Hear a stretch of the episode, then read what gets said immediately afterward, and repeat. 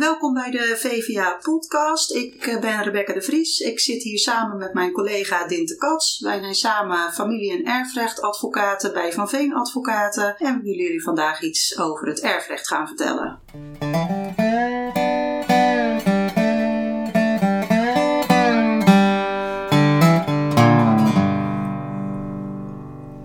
Dinte, kan jij misschien uh, vertellen wat voor soort erfrechtelijke zaken jij op dit moment in je praktijk behandelt? Ja, uh, zeker. Ja, allereerst misschien belangrijk om het onderscheid te maken tussen de adviesdossiers en de procesdossiers. Dus je hebt uh, zaken waarin je voornamelijk adviseert en ook zaken waarin je procedeert. En ook natuurlijk zaken waarin je begint met een adviserende rol en dat wordt dan uh, uiteindelijk een procedure. Um, onderwerpen zijn best wel heel breed.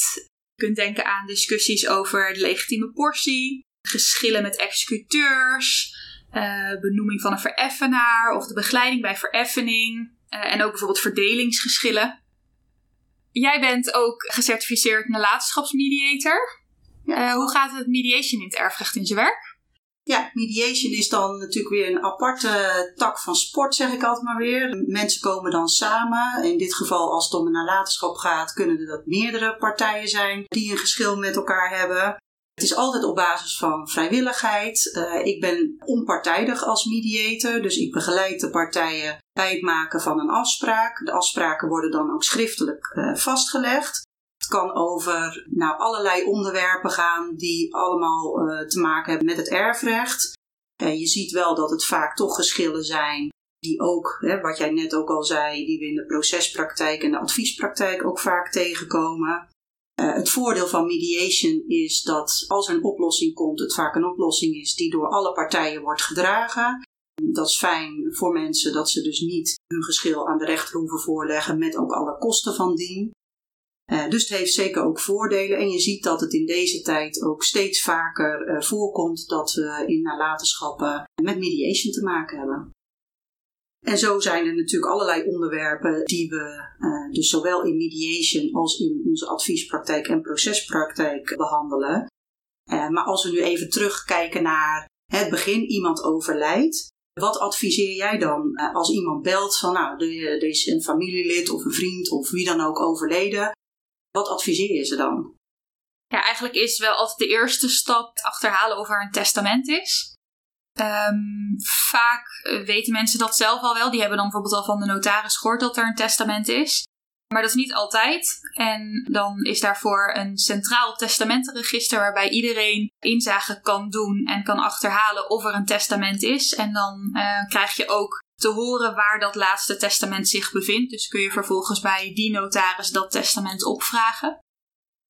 En dat testament is eigenlijk het belangrijkste, want op basis daarvan weet je, krijg je heel veel informatie. Daarin kan bijvoorbeeld staan wat er voor de begrafenis moet worden geregeld. Je komt erachter wie de erfgenamen zijn. Er, is misschien, zijn, er zijn misschien wel legaten opgenomen. Um, er is een executeur benoemd. Je begint altijd bij het testament. Ja, dus in zo'n testament staat uh, inderdaad vaak uh, veel.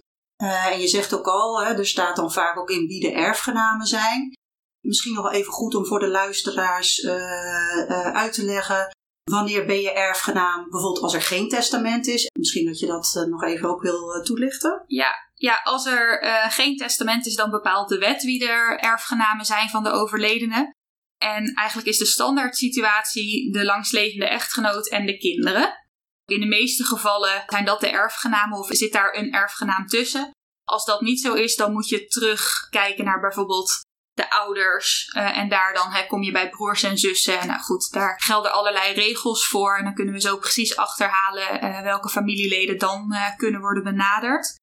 Maar als er een testament is, dan is dat altijd de basis. En dan komt die wettelijke regeling dus eigenlijk, ja, daar heb je dan niks meer mee van doen.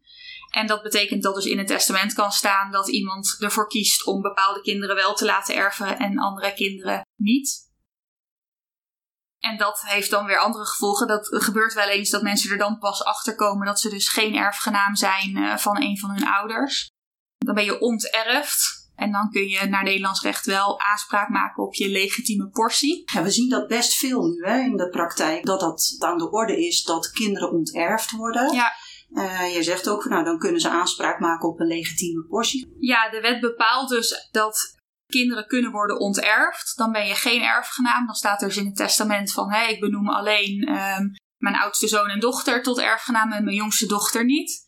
Dan kun je een beroep doen op de legitieme. Dat moet je zelf doen. En binnen vijf jaar na het overlijden uh, moet jij ervoor kiezen, ik wil daar een beroep op doen. En de wet bepaalt dan hoe die wordt berekend. De hoofdregel is dat jouw legitieme portie de helft van jouw wettelijk erfdeel is. Dus dan vallen we weer terug op die wettelijke regeling die bepaalt wanneer je erfgenaam bent. En um, de verhouding waarin je dan erfgenaam bent, daar dan de helft van ben, is dan jouw legitieme portie. Maar uh, die wordt wel gecorrigeerd bijvoorbeeld met giften die je bij leven al hebt ontvangen van de overledene. Um, dus die berekening kan best ingewikkeld uh, zijn. Nou is het belangrijk om te weten dat je als onterfd kind altijd uh, recht hebt op informatie vaak is dat dan de executeur, maar als die er niet is, uh, de andere erfgenamen, die moeten jou alle informatie geven die nodig is om jouw legitieme te berekenen. En maar daar komt best wel wat bij kijken, dus dat kan soms best wel heel ingewikkeld uh, zijn. En wat misschien ook belangrijk is om te weten, wat ook wel eens voorkomt, is dat kinderen wel tot erfgenaam zijn benoemd, maar dat hun erfdeel in het testament is beperkt, waardoor ze eigenlijk minder krijgen dan die helft van dat wettelijk erfdeel. En dan kunnen ze een aanvullend beroep doen op de legitieme portie. Dus dat, uh, dat komt ook nog wel eens voor. Ja, jij zegt ook van nou, ze hebben ook recht om inlichtingen te krijgen. Want die legitieme waar ze dan aanspraak op hebben, die moet dan ook uh, berekend worden. En je had het ook al over uh, dat dat vaak de executeur is. We zien in het testament dat er een executeur benoemd kan worden. Dat, dat benoemen van een executeur kan ook alleen maar in een testament. En mensen kunnen er dan voor kiezen als je dus in je testament een executeur benoemt om die executeur bepaalde bevoegdheden en taken toe te kennen. Daar zitten verschillen in. Je kunt uh, zeggen van nou ik wil dat de executeur alleen maar begrafenis regelt. Maar het kan ook zijn dat uh, de executeur uh, de nalatenschap moet beheren. Dat is ook wat je vaak ook ziet dat een executeur moet doen. maar het kan ook zo zijn dat er bepaald wordt in het testament dat een executeur de hele nalatenschap moet afwikkelen. En daarmee ook de goederen van de nalatenschap mag gaan verdelen. Dus dan is zijn taak nog uitgebreider. Wat hij in ieder geval moet doen is de nalatenschap beheren en schulden van de nalatenschap betalen. Maar betekent dus ook als er bijvoorbeeld uh, zo'n onterfd kind of iemand anders die in het testament benoemd is, die iets krijgt uit de nalatenschap, om daar inlichtingen aan te geven. En dus informatie verschaffen. Dat is belangrijk. En het kan ook zijn dat er in het testament nog andere aanvullende taken staan. Ja, jij zegt beheren van de nalatenschap. Wat moet ik daaronder verstaan? Nou, je moet als executeur een boedelbeschrijving maken. Uh, dus op de datum van overlijden uh, moet je inzichtelijk maken wat zijn de bezittingen en schulden op dat moment. Het is ook belangrijk dat je een uh, aangifte van erfbelasting doet. Nou, dat zijn in ieder geval even hè, korte basistaken die je moet doen. En daarnaast kunnen er ook nog aanvullende taken dus in zo'n testament opgenomen zijn. Ik vind het altijd wel een praktisch voorbeeld. Wat wel eens voorkomt natuurlijk dat er bijvoorbeeld huisdieren zijn bij de overleden. En dat daar niemand meer in huis is, omdat iemand daar alleen woonde. Eh, en dan is dat best een praktische taak die de executeur dan krijgt van... Zorg dat deze kat wel te eten krijgt of eventueel naar het asiel wordt gebracht. Of nou, zorg voor opvang. Dat, dat ja. is altijd een heel praktisch punt waar je dan als executeur ook aan moet denken. Ja, en uh, daar zal de ene executeur uh, blijer mee zijn dan de ander.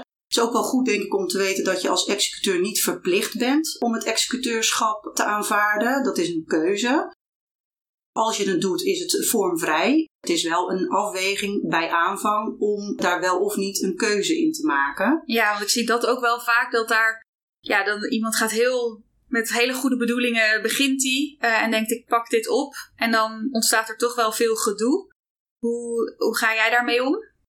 Ja, dat is, dat is natuurlijk lastig. Kijk, als je het accepteert, dan accepteer je het. En dan ben je als executeur uh, gehouden om je taken te volbrengen. En dat is dus het beheer van de nalatenschap uh, te, ja, onder je te nemen en dat te gaan doen. En die taak van die executeur die eindigt als de taken klaar zijn. En dan is dat van rechtswegen. Uh, en wat je dus in de praktijk ook vaak ziet, is dat er toch geschil is over de uitvoering van de taken van die executeur.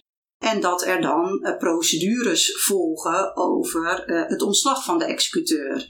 Nou, en wat ik in mijn praktijk best vaak zie, is dat de grondslag voor hè, het verzoek om ontslag voor zo'n executeur vaak zit in toch wantrouwen.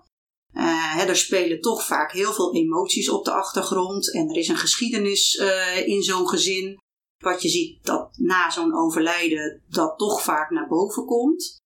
En dat is dan weer iets wat je bijvoorbeeld in mediations ook weer vaak terug ziet komen. Wat dus ook heel goed in mediations te bespreken valt.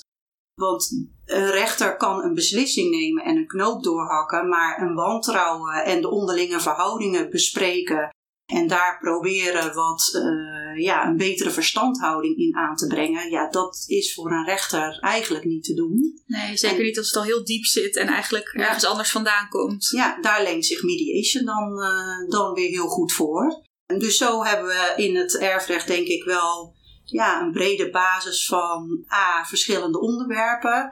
Maar ook verschillende zaken, zoals die mediation, advies maar en procedures. Eh, waar we mee te maken hebben en waar we dus ook eh, veel mee werken op dit moment.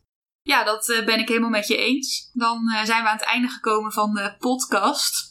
We hebben kort een aantal aspecten van het erfrecht behandeld. En eigenlijk was de conclusie: begin vooral met het testament. Ehm, zorg dat je weet of er een testament is, want die bevat zeer veel informatie die je nodig hebt bij de verdere afwikkeling. Dan weet je wie de erfgenamen zijn. Dan weten we dus ook of er een onterfd kind is. En waar we het nu eigenlijk nog helemaal niet over hebben gehad, maar vervolgens is een belangrijk punt: hoe ga je de nalatenschap aanvaarden? Dat kan zuiver of beneficiair, of je kunt verwerpen. Daarover is meer informatie te vinden op onze website www.vanveen.com.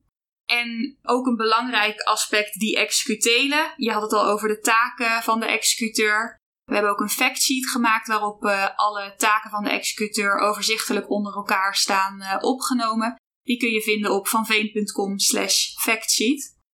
En als dan duidelijk is nou, wat de taak is van de executeur, welke dingen er moeten gebeuren, dan uh, moeten wij gaan kijken hoe de nalatenschap verder moet worden afgewikkeld en of dan de advocatuur de aangewezen weg is of dat mediation bijvoorbeeld een, een mooie oplossing kan bieden. Bedankt voor het luisteren en graag tot de volgende keer.